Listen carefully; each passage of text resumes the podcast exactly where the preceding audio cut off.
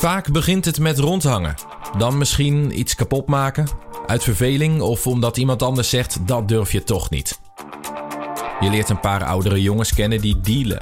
En als vanzelf ga je ook af en toe een bezorgklusje doen. Soms is er ruzie met groepjes die lijken op jouw groepje, maar dan uit de verkeerde wijk. Drillraps, een tram vol met messen, criminele afrekeningen. Een vechtpartij in de supermarkt waar toch een nieuw begin in blijkt te zitten. Halen het nieuws als overlastgevende hangjongeren. Deze aflevering gaat over hun wereld. Mijn naam is Martin de Wit. Dit is de Politiepodcast. Onder je neus, aflevering 3.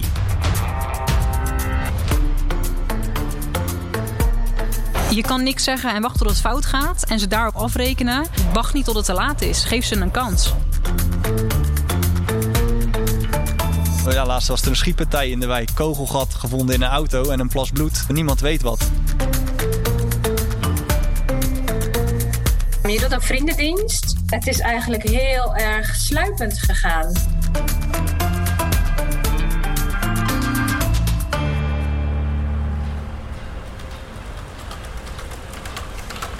Je fietst elke dag door je eigen wijk. Je straat uit, langs de flats, de middelbare school, het parkje en de supermarkt op het plein.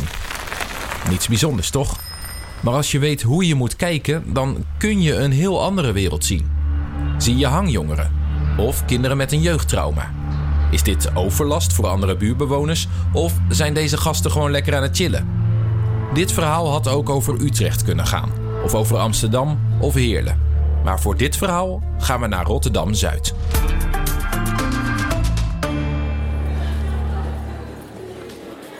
De allereerste keer dat ik iets over Roy hoorde, dat was bij zijn aanmelding. Dat het een hele grote, boze jongen was. Dit is Laura. Met veel woede en veel haat. Laura werkt op een cluster 4 school in Rotterdam Zuid. Een cluster 4 school is een school voor kinderen met een uh, gedragsprobleem, maar ook een psychisch probleem. En Laura werkt hier als mediator. Dat betekent, heel simpel gezegd, dat zij het moet oplossen als er ergens gedoe over is. Ruzie tussen twee leerlingen, tussen een leerling en een leraar, vechtpartijen soms. Dat wil nog wel eens voorkomen op een school voor kinderen met gedragsproblemen. Laura moet zorgen dat het veilig blijft op school. We hebben een vierkant gebouw met een uitsparing in het midden. En uh, dat is ook tevens mijn kantoor. Ik doe de functie samen met een collega. Ik overzie de hele rechterkant van het gebouw en hij overziet de hele linkerkant. Want het bestaat ook allemaal uit glas. Dus uh, ja, er hoeft ook maar iets te gebeuren en we, we horen of we zien het. Overdag zijn het scholieren. Na schooltijd, s'avonds en in het weekend kun je sommige van deze jongeren buiten zien. Misschien zie je ze in groepjes over straat lopen, in een park staan of in winkelcentra op de trappen zitten. Als je zo langs loopt, zie je ze als groep. Maar het zijn natuurlijk allemaal jonge mensen met een eigen verhaal. Ze zijn daar met een reden. In deze aflevering vertelt Laura het verhaal van Roy. Bij Roy stond heel duidelijk omschreven in zijn dossier dat het een jongen was die uh, niet met vrijheden om kon gaan. Omdat hij veel in conflict kwam. Dat waren dan eigenlijk uh, vechtpartijen. En uh, op het moment dat hij dus dusdanig getriggerd werd en tot vechten overging, was hij ook niet te stoppen. Het is een grote jongen, kan heel erg indrukwekkend overkomen. niet alleen voor de leerlingen, maar ook gewoon voor het personeel. Want er staat wel echt iemand. Dus ja, hij zou vooral heel veel vechten. Dagelijks zouden er vechtpartijen zijn dus je, ja, je schetst een beeld in je hoofd. En ik had voor mijn gevoel had ik Roy al helemaal gevormd. Tot op de dag dat ik Roy daadwerkelijk zag.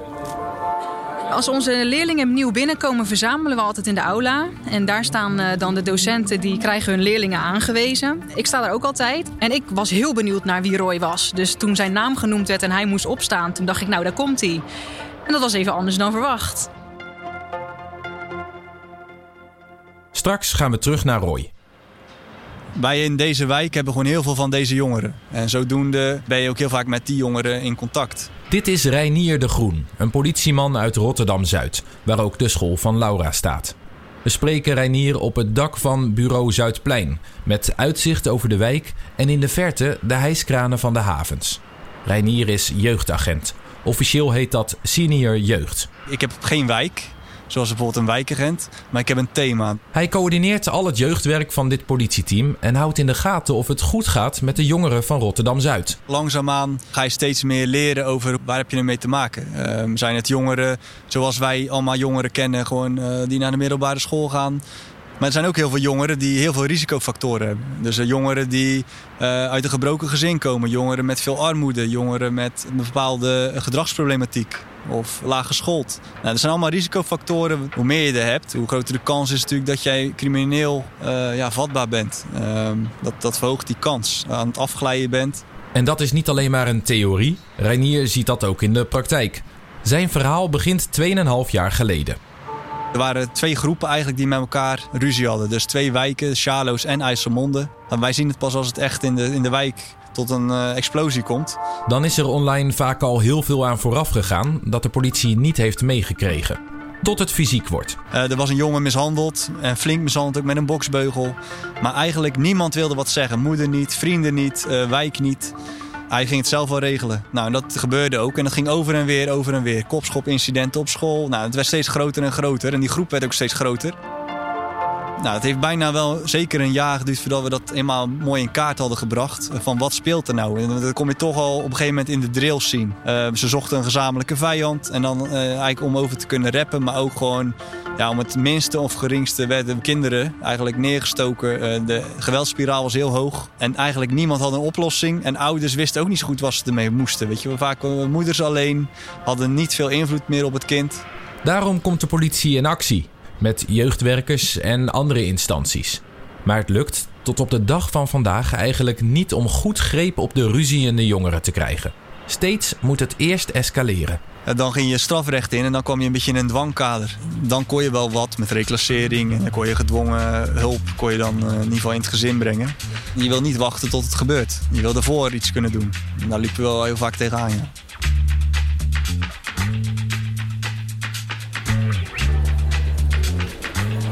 Hele vriendelijke jongen. Hij uh, keek heel gezellig uit zijn ogen en uh, hij lachte vriendelijk, hij groette vriendelijk. Dus mijn beeld was even, dat matchte even niet. Terug naar Laura, de mediator, en haar verhaal over Roy, de nieuwe leerling. Nou ja, het dossier zat nog steeds in mijn hoofd. Dat ik dacht van oké, okay, klopt niet. Dus ik heb ook uh, Roy uitgenodigd eigenlijk uh, in de eerste week van uh, kom eens bij me praten. Want ik, dit is wat ik lees. En, maar wie ben je nu eigenlijk? En uh, dat was een heel leuk gesprek. Uh, hij wilde een kans om te bewijzen dat hij gegroeid was. En ik moest er eigenlijk wel om grinniken, want we hadden net zes weken zomervakantie gehad. Nou, hoe snel kan je groeien in zes weken? Maar hij was zo overtuigd van zichzelf. En ik ben gaan kijken binnen mijn team van nou, oké, wat, wat kunnen we hem bieden daarin? En uh, we hebben daar hele goede afspraken over gemaakt. Zowel met hem als met elkaar als personeel. En tot op de dag van vandaag gaat het supergoed. Binnenschool hebben we tot op heden nog geen escalaties met hem gehad. Buitenschool is dat een ander verhaal. Maar dat komt zo. Nou, ik, ik denk dat hij daadwerkelijk gegroeid is. Hij is letterlijk ouder geworden. Hij is de dingen anders gaan zien. Maar ik denk ook dat hij het vertrouwen heeft gehad. Hij heeft denk ik de komst naar onze school gezien als een nieuwe start. Op zijn vorige school had hij een stempel. Een reputatie, vergeet ook de reputatie niet, want die moet je ook waar blijven maken. Want als je die reputatie niet meer waar maakt, dan word je ook weer uitgelachen of word je zelf slachtoffer. En hier kon hij opnieuw beginnen. En hij wilde, hij wilde ook echt opnieuw beginnen, want hij was het ook zat. En hij wilde vooral zijn moeder trots maken. Dat is precies de reden waarom ik dit werk ben gaan doen. Die jongens die hebben eigenlijk al een stempel. Ze zitten op cluster 4. Uh, die stempel hebben ze gekregen. Het is vaak geen keus. Uh, en ik wil ze verder helpen en ik wil ze kansen blijven bieden. Wat ik zie bij onze doelgroep is dat veelal de jongeren niet kiezen voor de situatie waarin ze zitten. Omdat ze soms gewoon geboren worden in een wijk die gewoon ja, slecht aangeschreven staat. Waar veel criminaliteit is. En vaak is het kiezen of delen. Of je sluit je aan en je gaat mee in de criminaliteit van de straat begint vaak klein, uh, pik die fiets of stil op school iets. Of je sluit je niet aan, maar dan keren ze zich vaak tegen je. En dan ben je de snitch of je bent een chingboy, je bent bang. Een chingboy, een kleine jongen. Dus veelal hebben die jongens geen keus. En sowieso is het voor jongeren in de puberteit al lastig. Die willen al bij een groep horen, die willen zich al afzetten tegen de maatschappij. Dus dan is het heel makkelijk om die stap naar criminaliteit te maken. Zeker op een locatie als Rotterdam-Zuid. Het is hier bijna onmogelijk om vanaf het begin te zeggen: ik doe niet mee. Het zijn al jongeren met een, of een psychisch probleem of uh, een gedragsprobleem. En dat heeft zich vaak al op hele jonge leeftijd uh, ontwikkeld. Dus tegen de tijd dat ze in die puberteit komen, rond die 12, 13 jaar, dan, dan hebben ze zich vaak al gevormd.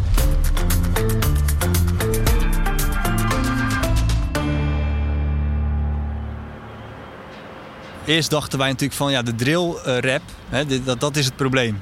Terug naar de Rotterdamse jeugdagent Reinier de Groen. Kinderen worden uitgedaagd en daardoor gaan ze dingen doen die ze eigenlijk uh, niet moeten doen. Ik denk zelf dat het probleem veel dieper zit. Dus waarom uh, zijn die kinderen in die drill scene terechtgekomen? Volgens Reinier komt dat eigenlijk doordat deze kinderen zich aangetrokken voelen tot zo'n beetje elk probleem dat in de wijk speelt. Neem een Zuidplein hier, de overlast die daar is. Daar zijn diezelfde jongeren waren daar ook aanwezig. Daar, daar zien we ze als eerste. We zien ze bijvoorbeeld s'avonds laat op straat lopen. We zien ze uh, diefstalletjes plegen in de supermarkt. Uh, straatroven op hele jonge leeftijd. Vervolgens uh, ze zijn in, in, in, een winkelcentrum zijn ze met grote groepen vervelend. Ze zorgen voor een hele negatieve sfeer op school. En dat zie je eigenlijk steeds verder afglijden naar zwaardere criminaliteit. Je ziet ze op een gegeven moment dan in de drill uh, in dat met messen uh, aan de gang. Je ziet ze straatrover plegen. Dan vervolgens WhatsApp-fraude. dus online fraude plegen. Veel geld verdienen. En uiteindelijk zie je ze richting volwassenheid, jongvolwassenen, vanaf 18 jaar ongeveer, zie je ze een beetje de drugs ingaan. Zie je ze uithalen in de havens. Dat betekent illegaal het havengebied ingaan en drugs ophalen die in containers zijn verstopt. Steeds meer zwaardere criminaliteit met steeds grotere bedragen natuurlijk die ze daarvoor krijgen. Um, omdat ze in dat pulletje zitten in die wereld, worden ze natuurlijk ook geronseld door de zwaardere criminelen. Daar, daar zie je de contacten ontstaan en binnen no time zitten ze dan in de zwaardere criminaliteit. En dat is een wereldje van geld, macht en geweld. Een negatieve spiraal waar je niet zo makkelijk meer uitkomt. En al helemaal niet als je pas net 18 bent. Dat zegt ook Shaila Ajembaks. Sommige jongeren bevestigen dat ook. Die zeggen ja, in mijn buurt zijn die netwerken al voorhanden. Zij is criminoloog en ze werkt onder andere voor het RIEK Midden-Nederland. Dat is een expertisecentrum op het gebied van criminaliteit. En Shaila weet vooral veel over criminele jongeren. Kijk, er zijn vier manieren waarop jongeren eigenlijk betrokken kunnen raken bij drugscriminaliteit of erin kunnen rollen. Dat is, ten eerste is dat zeg maar via vrienden. Dat kan uit de buurt zijn, uit school, um, uit, van een sportclub. Dat zien we ook. Het kan via familiestructuren zijn, dus dan via een broer of neven zelfs, zowel in de horizontale lijn als in de verticale familielijn. Uh, via onbekenden of uh, via een bekende en dan onder druk worden gezet om iets te doen. Dus intimidatie en bedreiging komt er dan bij kijken. En dan is het natuurlijk altijd een wisselwerking van um, de verlokkingen van snelle geld versus de netwerken uh, die er zijn. Dat hoort Shaila regelmatig zelf van jongeren die het precies zo is overkomen. Ik sprak laatst ook een jongen en die zit nu in detentie. En die zegt: Ja, het is eigenlijk heel erg sluipend gegaan. Um, je doet een vriendendienst. Hij kende dan weer vrienden uh, in de buurt. En het is van het een komt het ander. Het was onschuldig, zegt hij ook heel vaak. Het was allemaal onschuldig. We brachten iets weg of we moesten even ergens naartoe om iets op te halen. Of het was uh, uh, iets, iets kleins wat we deden. En we kenden elkaar. En dat is natuurlijk best wel moeilijk om dan ook nee te zeggen. Maar uiteindelijk, hij zit nu in detentie. En hij heeft ook een strafblad. Dat is best lastig om dan je toekomst zeg maar weer bij te sturen om hè, weer eruit te kunnen komen. Daarom is het denk ik belangrijk dat er professionals zijn, maar ook bewoners en ook ouders eh, die helpen te behoeden dat jongeren daarin verder afglijden. Met Roy lijkt het, sinds hij op een nieuwe school zit, juist heel goed te gaan. Tot die ene dag dat het allemaal even niet wil mediator Laura. Uh, nou, we hebben een, uh, een, situatie gehad waarin ik ochtends in mijn kantoor zat. En uh, mijn collega die komt naar mij toe en die geeft aan... er is iets gaande bij de supermarkt. Ik hoor van alles. Ik zie mensen rennen en er gaat allemaal politie naartoe. Misschien moet je even gaan kijken. Ik kom eigenlijk binnen bij de supermarkt en ze herkennen mij direct. En ze zeggen ook meteen van loop maar mee, hij zit achter.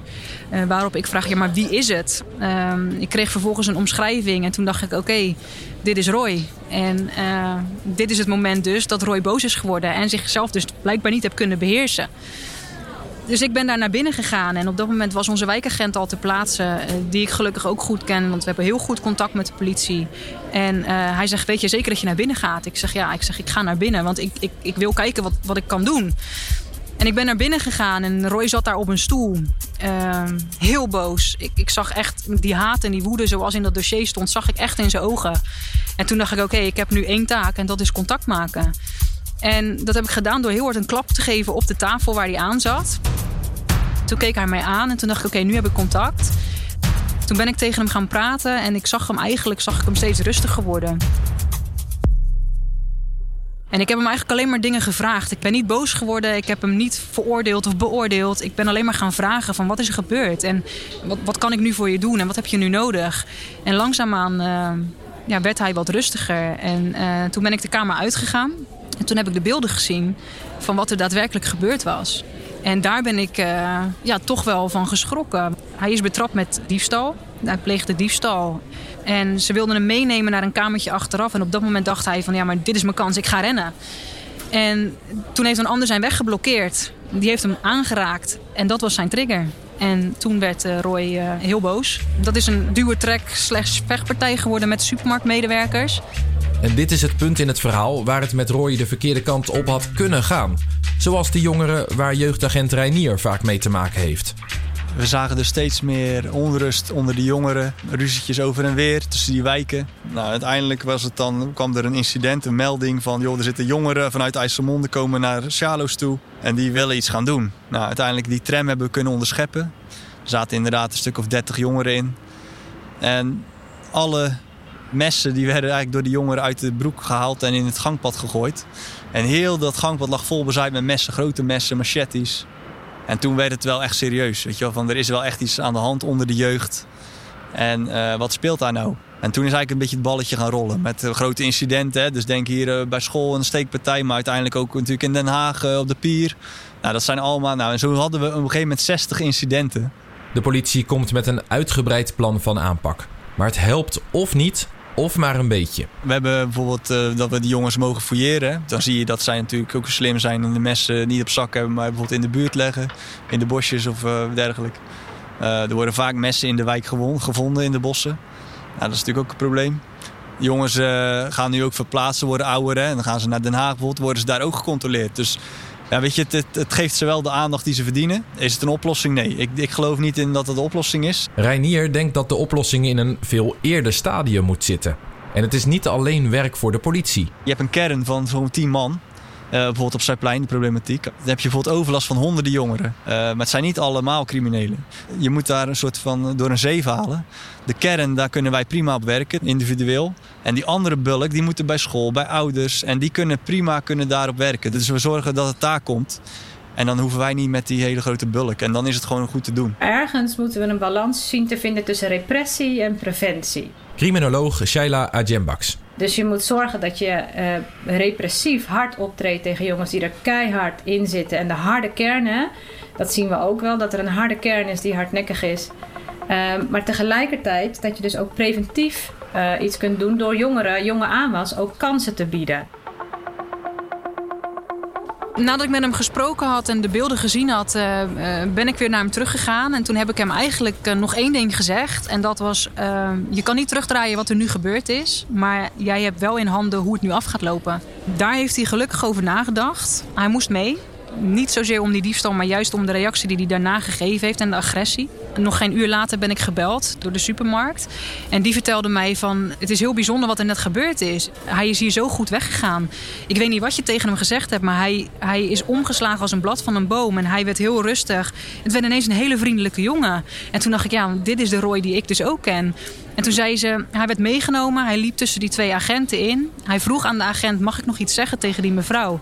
Ze zegt, hij is naar me teruggekomen en hij heeft gezegd, sorry mevrouw, ik hoop niet dat ik u pijn heb gedaan. Het was niet mijn bedoeling, uh, maar ik werd zo boos, ik kon mezelf niet meer beheersen. Zij stelde mij toen vervolgens een vraag. Hoe zou hij reageren als ik hem een baan aanbied? Nou ja, en toen was ik dus uiteraard verbaasd, want dit is, heeft net best een heftig incident plaatsgevonden. En jij denkt er nu aan om hem een baan aan te bieden.